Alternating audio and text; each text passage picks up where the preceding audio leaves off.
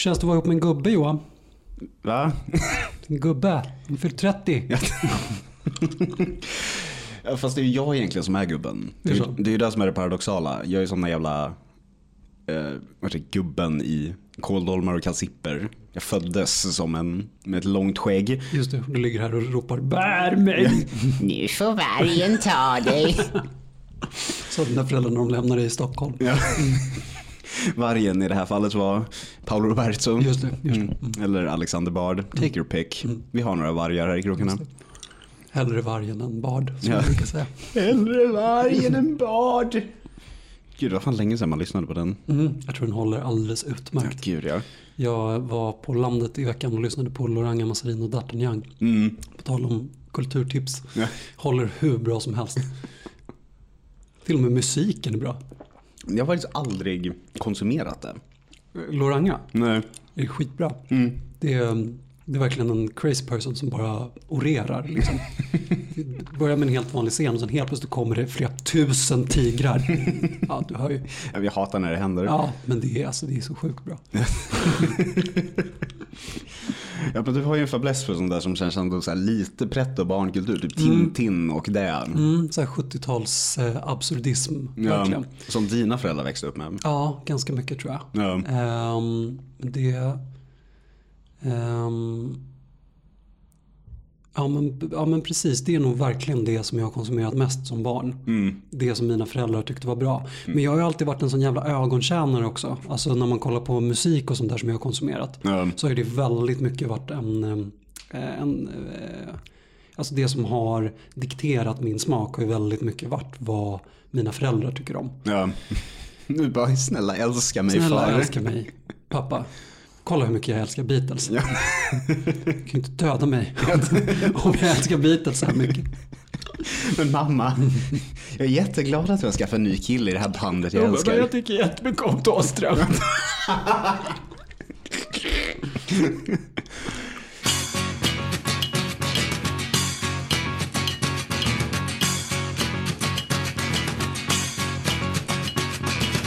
Eh, hej och välkommen till killgruppen. Tjabba. Vi tog ett oavsiktligt sommaruppehåll. En eh, välbehövlig siesta kan Ja. vi kalla det. Det vill säga för mig har det varit att tuta omkring i hela jävla Mellansverige har det känns som. Jag har gjort samma sak fast norr. Ja, Typ. nej men vi täcker allt förutom liksom så här Bergslagen. Ja, ja. Har du varit nere i Skåne och hållit på? Nej, Bohuslän. Bohuslän? Mm. Ja, ja, det är inte kanske fullt så långt ner men. Ja. Mm. Nej men Bohuslän och sen Jönköping då. Men det kanske är mellersta Sverige. Mm, det, jag tänker mig att det är centralt men jag måste erkänna att jag inte riktigt vet var Jönköping ligger. Ja, det är tre timmar från Stockholm. Jag har varit där. Jag vet att HV71 kommer därifrån. Ja, Jag eh, har spelat fotbollsturnering där. ja. Det, för när vi var där så det var väldigt mycket att jag och min pojkvän gick längs med gatorna och han sa den där pingstkyrkan var jag i när jag var liten. Ah, ja, ja. Mm. De har ju ett par sådana. Är väldigt underlig stämning hela den stan. Är inte det lite huvudstaden i bibelbältet? Jo, liksom? jo, jo. Mm. Det är det verkligen. Men det, hur, har det varit tre veckor sedan kanske vi spelade in? Kanske typ nästan en månad. Mm, Vad, vad har du haft för dig under den tiden? Mm. Ja, vad fan har jag gjort för någonting? Jag, jag har haft två veckors semester under den tiden. Mm. Eh, och har ehm, eh, varit, i, eh, varit i Norrland eh, och eh, lite så här skuld eh, mässigt eh, harvat runt där till fots, vilket man inte bör göra för att jag skulle kunna träffa min morfar. Mm. Ehm, och eh, det kändes så sjukt ädelt för han tyckte ju bara att jag var dum i huvudet. Han fattade ju inte överhuvudtaget varför jag, varför jag gjorde det. Eh, utan han, eh, han, han är ju så isolerad i vanliga fall så att han är liksom inte, han har ju märkt det såklart. Ja.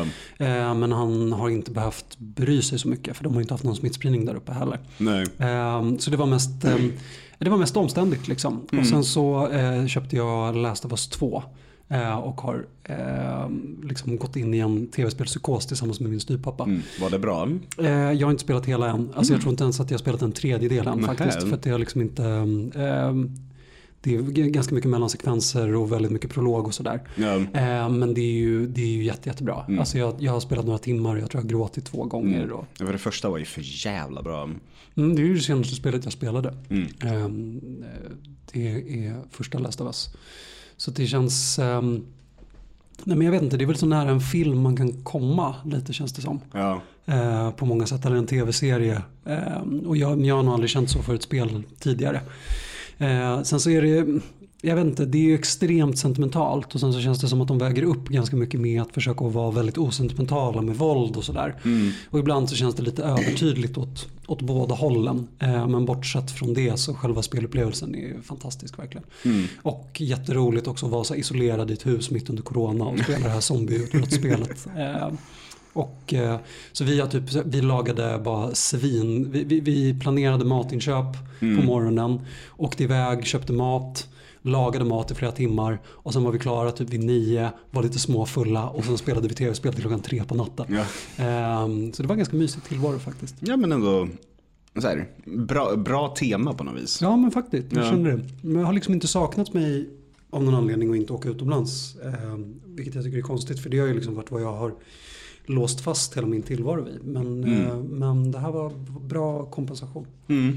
Va, och du, du har varit på, du har bilat runt. Ja, men först var vi nere ett gäng på eh, västkusten nere i, ja men i närheten, typ en kvart från Uddevalla över midsommarhelgen. Sen då åkte jag tillbaka hit och vi skulle spela in var på min rygg kapsejsade totalt. Ja men just det. Så det var i princip som att jag låg och typ feberyrade av smärta. I så här en dryg vecka och då var jag ju själv här uppe också. Så jag säga, ingenting funkade. Herregud. Ja. Kunde du gå och handla? Eh, nej. men till slut så ja, men, lyckades jag ju typ ta mig ner till Lidl här. Så att jag kunde få tag i förnödenheter. Men där gick jag över och eh, typ precis efter det så drog vi till eh, Jönköping då. Och åkte omkring där nere. Var på Huskvarna museet bland annat. Just det, industriporr. Ja, ja men verkligen så himla mycket fina grejer.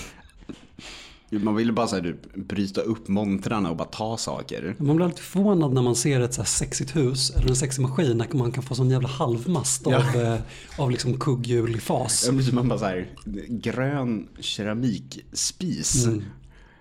Ja, ja, nej, det var fantastiskt. Sen var vi också kollade på deras länsmuseum där det är typ så här John Bauer och här, nya emerging konstnärer från Jönköping. Så det var ju lite så här. meh. Det känns som att vi var, just det, vi var fan på en jävla, vi var i en gruva också där. Ja, På någon så här, ja, vad fan heter det, Taberg tror jag. Så var det en gammal järnmalmsgruva man kunde gå in i. Och eh, så hade de ett litet fladdermusmuseum också. Som jag såg jättemycket fram emot men det var tyvärr bara massa utskriven, utskriven info i, en bygdegård. Gud, alla mina varningslampor liksom ringde och jag bara fattade inte varför. Så insåg jag just det, gruvan i Kiruna, läskigt, corona, fladdermöss, läskigt, Jag, ty- corona. jag tycker att fladdermöss är rätt balla. Ja, jag gillar dem också. Ja. Jag blir arg på mina katter när de äter upp fladdermöss. Ja, det måste de fan sluta med. Ja. Men eh, det var, det var ju ingenting mot så här Falu koppargruva. För det, det kändes ju farligt Mm. Ja, när man var där nere. Man så åkte upp och ner och så här, halkade omkring. Ja, det, ja, men det gav liksom känslan av, ja, men av att, man var, att man var i en gruva. Här var det mer bara en lång tunnel. För de hade så här typ gjort den här, de hade borrat liksom rakt in i berget typ. Så de att de bara, ja, här har de borrat och man bara, oh, se där. Medan i Falun, när vi väl var där, så var det mer, här spökar det. Om ni inte knackar tre gånger på den här regeln. Vilket, ehm, eh, vi- vilken av gruvorna fick du mest så här, arbetarstånd av? Hmm. För när jag besöker gruvor brukar jag alltid bli så här, jag blir lite rörd över att folk har jobbat där eller jobbar där. Liksom. Helt de- utan anledning, jag har liksom ingen relation till gruvverksamhet överhuvudtaget. Utan det är bara någon slags här engelsk socialrealism som, som dyker upp igen. Liksom. Ja, men Falu koppargruva var ju fortfarande aktiv, så förmodligen den. Den här var ju bara liksom övergivna hål i ett berg. Ja, och väldigt lite fladdermöss också som de är ute och knullar så här på sommaren. Good for them. Ja, good for them, bad for me. Jag, jag ville se lite jävla fladdermöss. Hon så försökte kompensera hon guiden där genom att hon i slutet av touren i den tog, upp, tog fram en så här uppstoppad liten fladdermus. Nej. Nej, vad fattigt. Var så, den, var den, var den dåligt uppstoppad? såklart den var. Ja. Jag tror inte alla uppstoppade fladdermöss jag har sett har varit så otroligt fula. Ja. De kan inte göra ansiktena på dem. Nej. Men det är för att Gud inte kunde göra deras ansikten till att börja Nej, med. det är ju ett weird djur alltså. Mm. Det är lite som luftens bläckfiskar. Man kan liksom inte titta på det utan att undra vad fan det är som händer. Här, vad, vad är det för någonting Ja. och varför vill jag att den ska klättra på mig? Mm, mm. Så exakt så känner jag med bläckfiskar. Mm. Alltså, och helt asexuellt, det är ingen jävla hentai-skit här. Utan jag bara tycker att bläckfiskar är rätt soft. Ja, det här är en judgment free zone Ja. men du kände ändå att du behövde poängtera det? Ja, nej, eh, av alla mina laster är hentai inte en av dem. Nej. Mm. Nej, det känns ju ändå skönt. Ja, det är jag stolt över. Ja.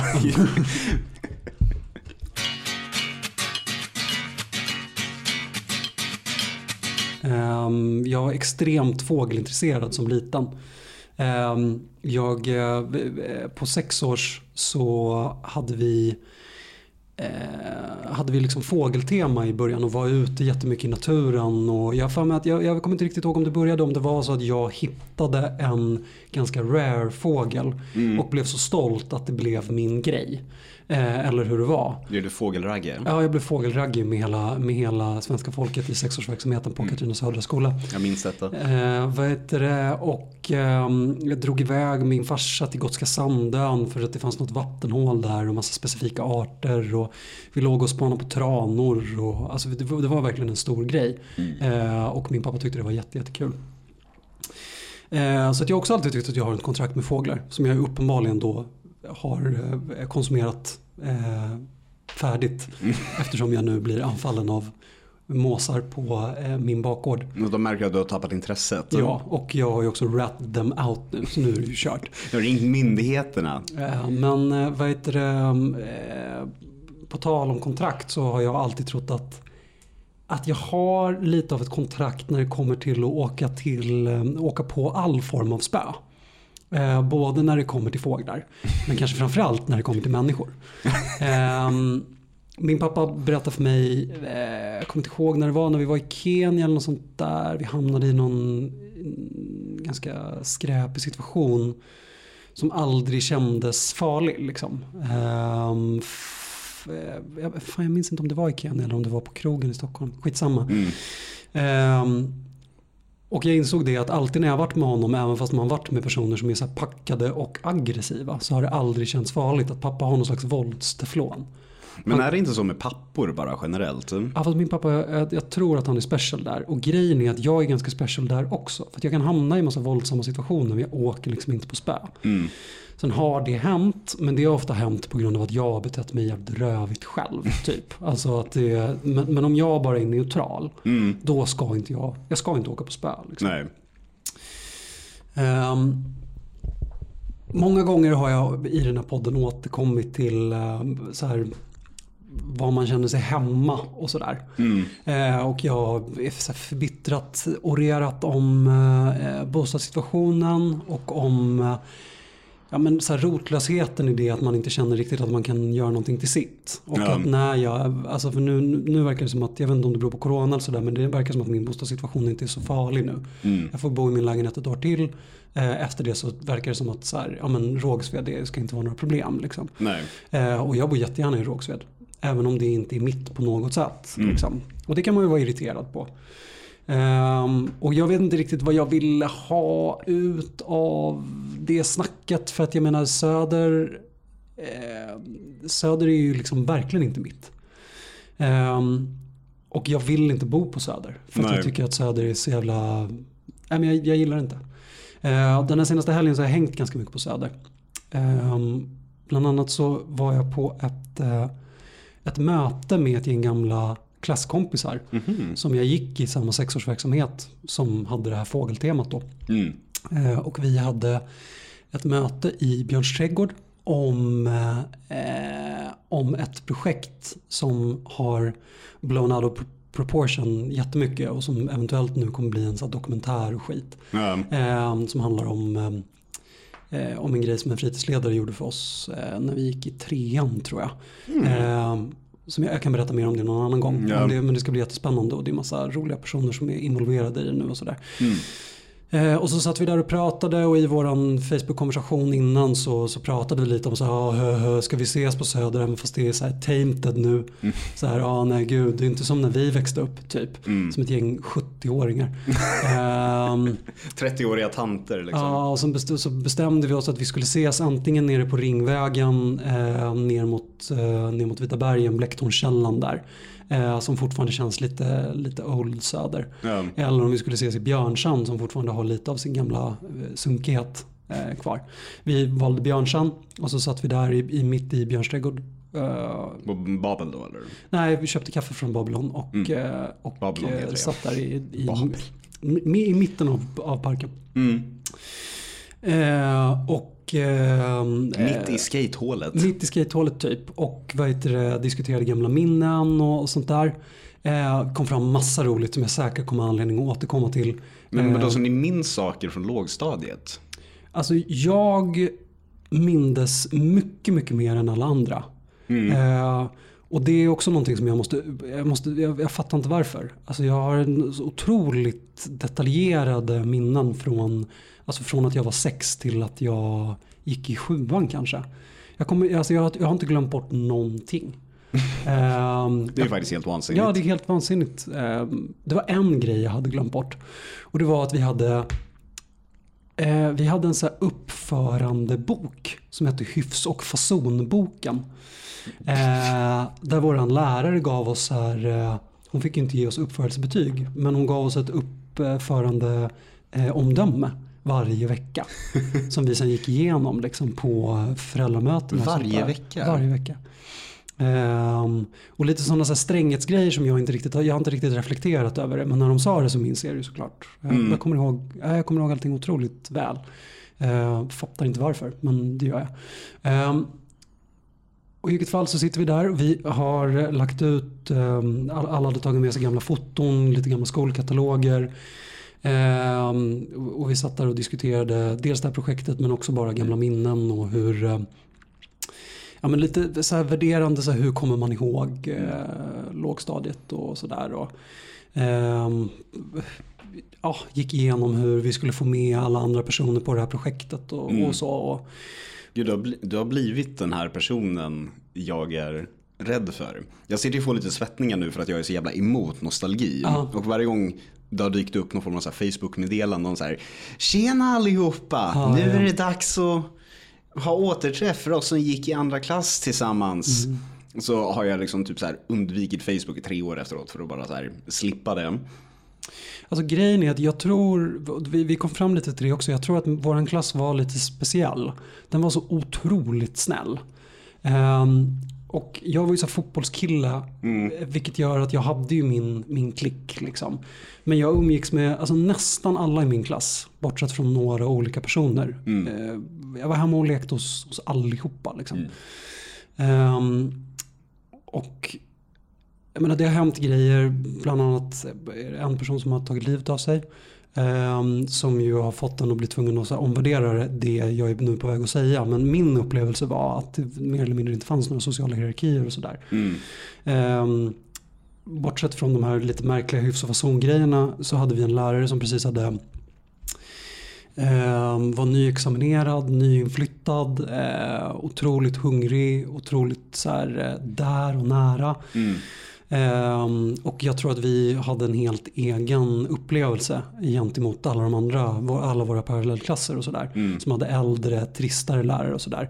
Vi gjorde helt sjuka saker. Vi liksom satte upp jättestora teaterföreställningar och eh, vi spelade in en skiva som är, som är svinbra. Alltså den är verkligen inte, alltså den är verkligen eh, så välproducerad. Eh, Ehm, ja, ja, ja, jag kommer säkert komma tillbaka till det andra gånger också. Men det var, det var verkligen ambitiöst och otroligt tryggt och bra. För mig, ska tilläggas. Ehm, men medan vi sitter där i alla fall i våran liksom, men historierevisionism, våran sentimentalitet och våran, eh, vårat liksom 90-tals Södermalmsvurmande. Eh, Minns ni Hoa Hoa? så är det flera saker som, som slås i spillror bara inom loppet av en minut. Eh, jag blir nämligen konfronterad med Alkis eh, som kommer fram och puttar till mig och vill ha stålar. Och jag har inga stålar. Ehm, Kontanter i detta samhälle. Nej men jag har inga kontanter och jag, jag har inte särskilt bra med pengar nu heller. Alltså, det är verkligen ingen fara men jag har inte jag, jag har inte heller så att jag kan gå och ta ut en hundring till vem som helst. Nej. Och framförallt så har jag ingen lust att göra det åt någon som kommer att putta på en och kräver av en. Liksom. Det, jag vet inte. Vissa av dem har ju Swish nu för tiden har jag Ja, sett. och jag frågade faktiskt det men det hade han inte. Han hade ingen telefon. Eh, och sen så gick han omkring, han cirkulerade liksom runt oss på ett helt märkligt sätt. Och, och, ja, men och började prata om, ja men det var ganska uppenbart att han, han, han trodde nog att vi var från det nya söder. Ja. Och vi tyckte att vi var från det gamla söder. Och det var någonstans i det clashade det liksom. Och någonstans här så inser jag såklart att jag är också från det nya söder. Alltså min morsa är ju inte född i Stockholm. Hon är född i Norrland. Och är ny på söder från, jag vet inte, 80-talet eller något sånt. Fast hon har faktiskt varit eh, servitris på jävligt många institutioner där. Men alltså Så- hon, hon är ju super old school söder. På samma sätt som det säkert kommer vara flera av dem som jag stör mig på av de nyinflyttade till söder. Som kommer vara old school söder om 20 år. Även om det inte kommer vara lika coolt som att jobbat på Kvarnen när Bob Hund, Kent och Weeping Willows repade i eh, källan. Och Bajen gick upp i Allsvenskan och hon kunde släppa in sin son som fick omkring och ta autografer. Obs! Mitt livs höjdpunkt. Jag förstår det. Eh, vad heter det? Men eh, han eh, börjar sen beklaga sig eh, samtidigt som han börjar sparka lite i gräset och, och säger att så här, fan jag vill ju bara ha lite cigg och lite vin liksom. Fan jävla svårt ska det vara så här. Ehm, och jag i min fåfänga vilja av att ändå kunna möta den här personen för att det skulle bekräfta min idé om att jag fortfarande hör hemma på Söder lite mer i hans skola än i eh, kulturarbetarmedelklassen från eh, mitten-Sverige. Liksom. Vilket ju såklart är bullshit. Eh, säger att så här, men du fan jag har inga, jag har inga cigg för jag har slutat röka men jag har en extra dos snus om du vill ha. Du kan, du kan få den liksom. Ja. Det togs inte emot väl. eh, jag var dum i huvudet. Och jag borde få en fet jävla smäll. ja, alltså det är väl lite egentligen som att eh, någon frågar efter en prinsesstårta. Och du bara, nej här är bajs. ja, fast jag, jag tänkte ändå inte att det var det. Jag tänkte ändå att det var så här att han skulle ändå fatta att det var så här, jag vill ju fan bara vara vänlig liksom. Det är ändå så här, det är en oöppnad snusdosa. Och jag menar ju inte det på något sätt som nedlåtande. Nej. Det är inte så här, du jag har en snus i munnen som du kan suga på lite om du vill.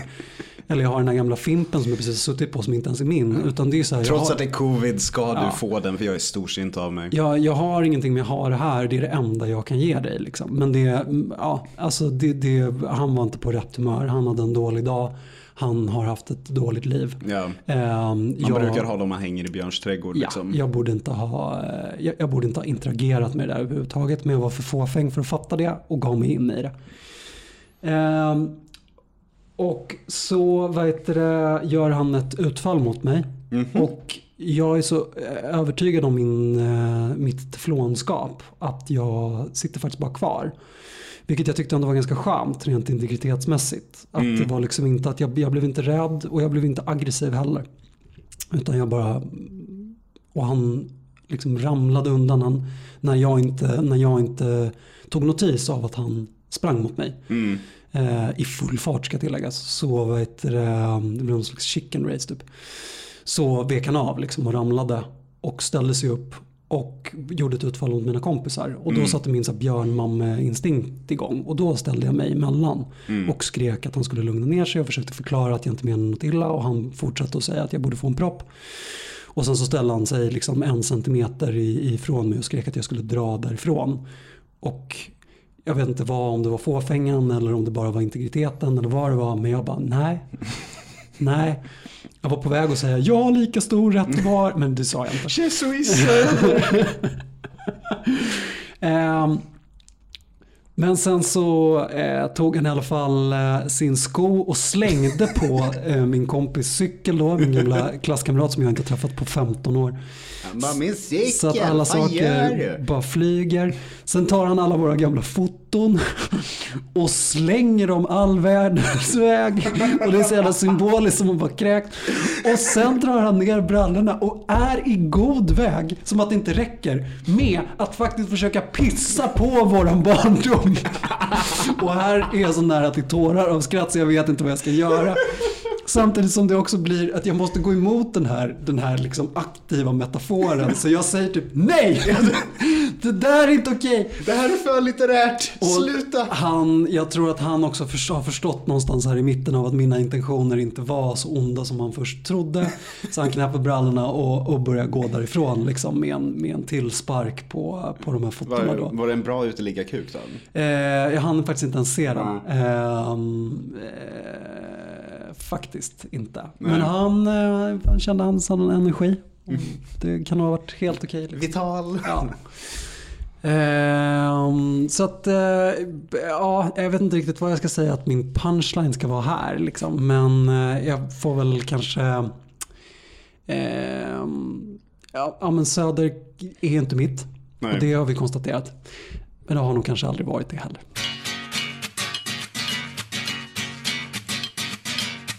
Senaste avsnittet så pratade ju jag om att jag hade blivit blackpillad gällande typ identitetspolitik. Eh, Och det har ju liksom lite fortsatt, framförallt här under semestern. För jag har eh, konsumerat väldigt eh, mycket teoretisk litteratur. Jag har läst jättemycket Lash, jag har läst jättemycket Camille Paglia. Och sen har ju då det snöbollat till att jag nu läser Nabokov. Och i pipelinen så ligger även Dostojevskij. Men det känns som att jag börjar ändå komma till något sorts, ja men, eh, lite av ett eh, edgy kanon gällande litteratur. Det är inte att du börjar om. För att jag menar både Nabokov och, och Dostojevskij känns ju verkligen som någon så här grundpelare Jo. i... Men jag har missat så jävla mycket klassisk litteratur. Jag läste ju liksom Sagan om ringen för första gången bara nu i början Ja. av sommaren. Så det, ja. Eh, Men eh, i alla fall, detta, mycket av det här läsandet har ju hänt när andra människor jag har varit med Oj. Prosit jag på säga. Eh, När andra människor jag varit med har varit docila på grund av att de har semester medan mitt liv är semester. Så då har jag läst istället. Och ja, men så ibland till och med så här, ja, men när folk har, jag vet inte, grillat. Och under då en av de här eh, semestrarna vi har varit på nu så var en av dem jag var där med. Eh, eller vi, vi var där med två andra par. Eh, jag, min pojkvän och så två heteropar då. Och den ena heterosnubben Eh, hans grej är att han drar igång grillen för att ingen annan vill göra det. Han har ingenting emot det. Men så var det när han gjorde det för kanske tredje gången eller något, så utbristade han eh, att han inte vill vara en sån man som står vid grillen. Och det var, det skulle kunna låta lite som ett skämt. Men också så här, det fanns ändå lite så här seriositet. Men vad var, menade han att han ville ha hjälp? Eller menade han att han var rädd för hur det såg ut att han alltid stod vid grillen? Eh, sistnämnda. Ja. Och det är också så här, någon måste ju grilla när man grillar liksom. Ska, ska man kvotera vid grillen? Eh, mm. Eh, Vi har ju pratat om det här tidigare med hur, för att jag menar grillen känns ju väldigt mycket som den, den med mest pappa-energi. Ja, Blir ju grillmaster ja. liksom. Den som är lugn, lugnast och typ. Men med det kontraktet så kommer det ju en massa andra saker. Eh, till exempel att man måste pampra dem ganska mycket i den manligheten och sådär. Eh, Ja, nej det finns inte i den här. Det den transaktionen finns inte här för Ja, han är liksom inte sån. Utan det var bara den här eh, grejen att han hela tiden stod vid grillen som plötsligt här slog honom att bara "Hå! jag, jag är den här personen. Mm. Varpå jag sa ungefär, det är calm down time. För det är inte en stor grej. Någon måste sköta grillen när man grillar. Eh, Men det, självklart då så här kände jag i mitt huvud bara ding ding ding, här har vi något man kan prata om i podden. Och det är just den här rädslan för det som är tra- traditionellt manligt och hur det ibland kan vara lite underhållande människor som trots allt tillhör den normen är lite rädda för det. För de kan ju ändå, de kan ju tjäna på båda sidor av myntet på något vis. De kan tjäna på att eh, ställa sig i ledet med det de ska göra. Till exempel då i det här fallet grilla. Eh, eller så tjänar de också på att avvika från det. Det vill säga, jag vet inte vad motsatsen till grilla är. Eh, mikromat. mm. Linkusin. Och eh, det, ja, men så väldigt mycket av den ängsligheten och rädslan för det traditionellt manliga finns ju just nu inom jämställdhetsdebatten från de män som försöker slå sig in där lite tafatt. Och det har vi ju också pratat om tidigare att det finns en ängslighet hos den sortens aktivister. Eh, Men jag lider inte riktigt av den äng- ängsligheten även fast jag har väldigt mycket gått in i någon form av så traditionell manlig grej senaste halvåret kanske. Och, eh, men det är också en sån sak man kan få skit för i vissa kretsar. Men det är också så här, jag ser mig inte själv som mindre mest bög av alla. Nej, jag förstår. Jag menar, om jag sitter här och ser ut som en cowboy, då har jag ju vunnit bög. Ja, ja. Mm. It is known. Ja, nej men så här.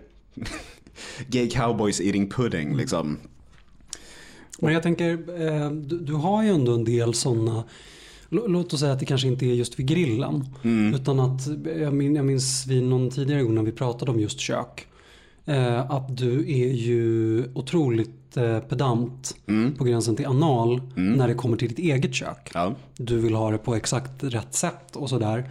Men att jag alltid har känt att det kanske inte är en så manlig energi du har. Utan snarare en, en eh, om jag får lov att generalisera, en Ja. kvinnlig energi. ja, men det är helt rätt. Ja.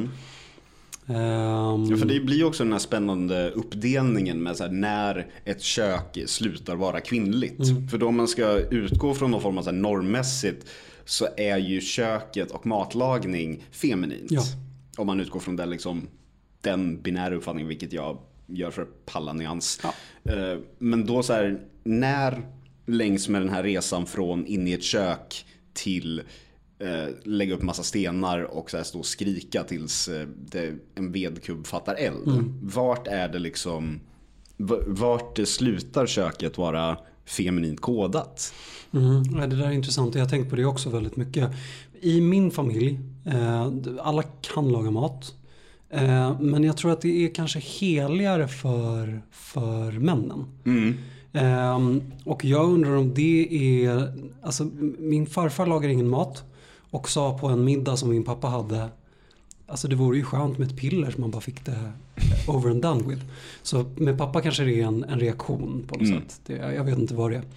Eller en kulturell grej. Jag är osäker faktiskt. Medan min, eh, med min styvpappa så tror jag att det är väldigt mycket en reaktion.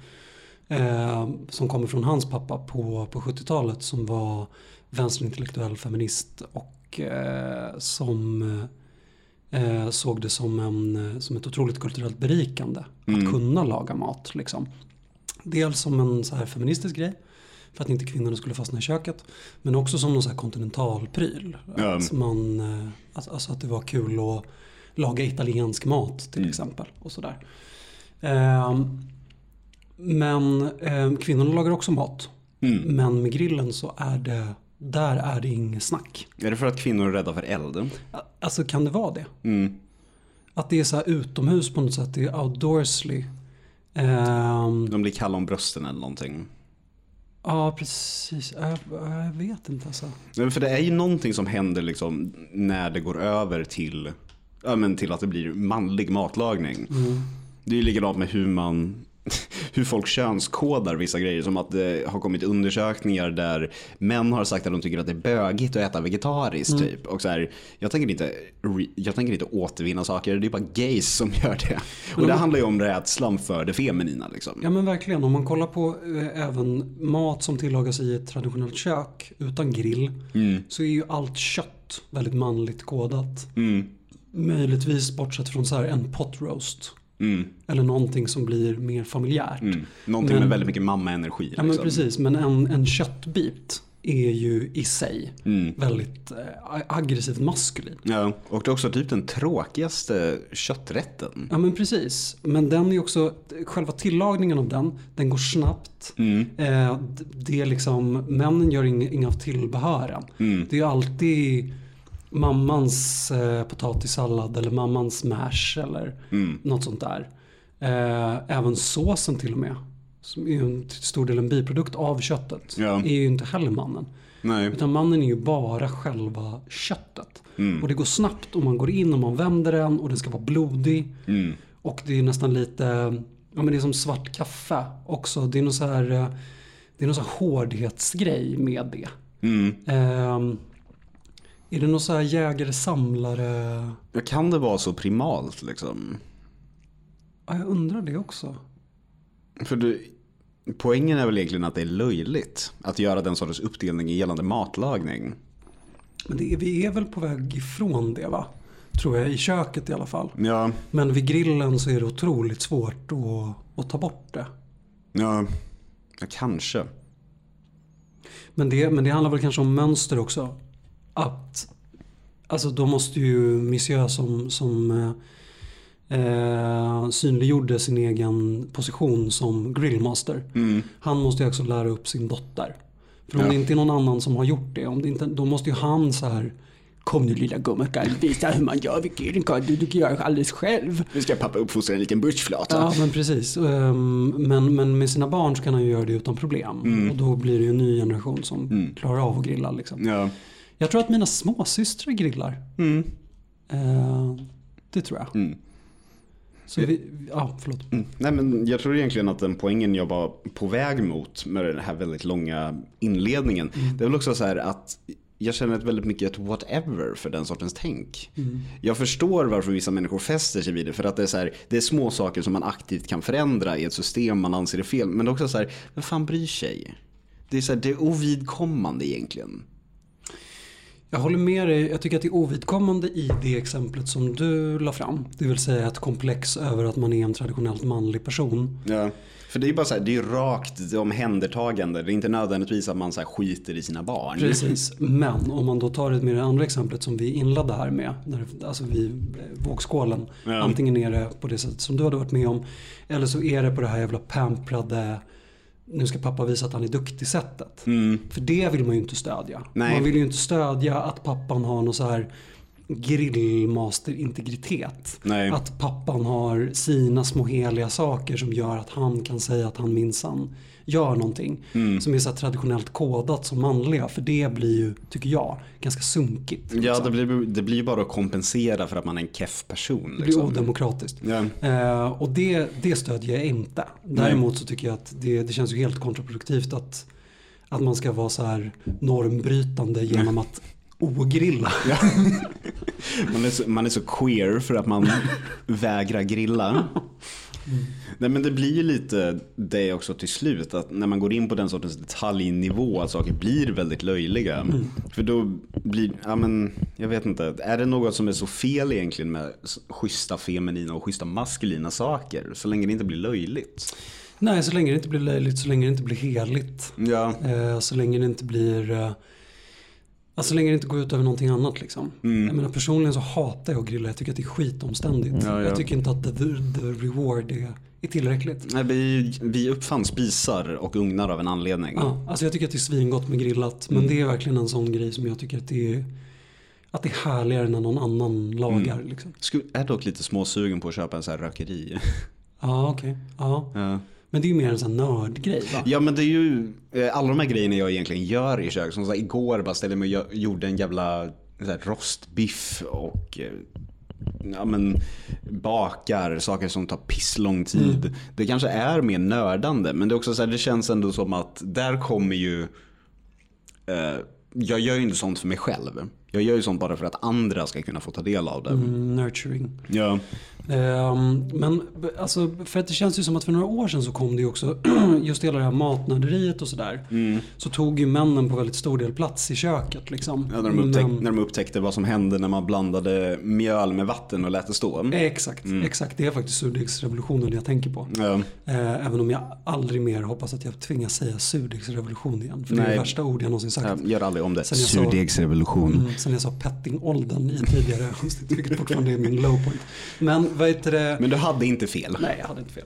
Det, den fanns. Ja. Vi, vi vet aldrig vad det är. Vi pratar bara inte om det. Nej.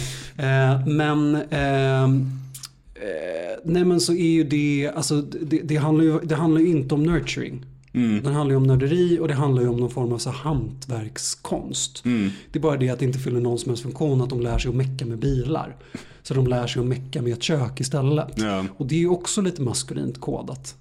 Så, så att om man tar bort den nurturing-grejen som du har så finns det ju fortfarande ett sätt med, alltså för matnörderi tycker jag verkligen kan vara ganska trist maskulint också. Jag vet, Eh, man har ju sådär som Heston Blumenthal och så molekylär gastronomi och sånt där. Det är så otroligt ointressant. Ja, det är otroligt trist. Mm. Och det är bara, men det är så runkigt. Det är Ja. vad det är. Ja, det är verkligen runkigt. Narcissistiskt och, och runkigt. Ja. Ehm, och, och, det, och det känner jag rakt av är så här sunkigt. Mm. Helt utan att politisera. Det är inte konstruktiv matlagning liksom. För det för ingen samman. Som du sa, allt det gör är att det göder någon form av ego. Ja, nej, eh, Hessnon skulle väl säga att eh, han skulle säga något eh, så här Nicolas Winding Revn eh, pretentiöst som typ konst behöver inte vara Mm. konstruktivt. Jag vill bara toadoppa honom med han och hans fula jävla glasögon. Ja, ja, jag vet inte ens om du pratar om Heston eller Nicolas Winding Revn. Men jag Eh, vill tå- take your pick. Ja, jag vill tåda på båda Ja, två. han är ju ja, dansk liksom, så Ja. det räcker ju för att toadoppas. Verkligen, verkligen. Ja.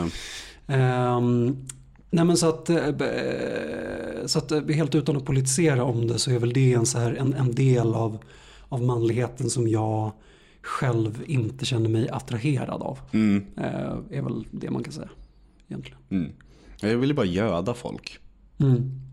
Jag vill, jag vill att de ska komma, ja, men som jag skrev till dig förut att jag blev sur på mig själv när jag upptäckte att jag inte hade kaffebröd bakat och hemma. Och då så här, man, kan inte gå bara, man kan inte gå och köpa det, jag kan ju fan göra det själv. Slänga ihop en jävla banankaka eller någonting. Men jag hade inte gjort det för det är sommar och då är det så här dåligt i frysen typ. Mm. Ja nej, jag kanske, jag kanske bara är en jävla mamma. Ja men det tycker jag du ska vara stolt över Ja, faktiskt. en mamma som inte lämnar sin familj. Ja, fan. Hur många är de? Typ noll. Jag menar var det din mamma? var det min mamma? Ingen vet. Nej. Vad är en moder? Jag pratade med min mamma förut. Faktiskt. Nej, men, det, men det också, det förlänger hela grejen med så här, kan, kan man könskoda politik? Det kan man ju, definitivt. Jag menar fascism är ju extremt maskulint. Mm. Och det har väl kanske att göra med just att det är väldigt könssegregerat på någon form av organisatorisk nivå egentligen. Ehm, ja, absolut. Men jag menar män, alltså fascismen brukar ju ofta stå för ganska starka patriarkala värderingar Ja. och då har ju män så himla mycket mer att, att vinna på det. Liksom. Och sexiga kläder. Ja, de har bäst kläder, det har Ja. de verkligen. Det är, som sagt, det är ju det är inte konstigt att det har kommit en massa alt-right bögar liksom. Med tanke på kläderna. Och ibland käklinjerna men oftast bara så här neckbearden tyvärr. Men är det fetischism eller är det, är det bara att de tycker att det är snyggt mode? Det finns ju folk som är liksom skinhead-fetischister. Men de, är, de blir ju inte nazister bara för det. Nej. De sitter och runkar i sin ensamhet. på På ett par kängor. Skinhead goes down on bootlicking twink. X264 eller någonting.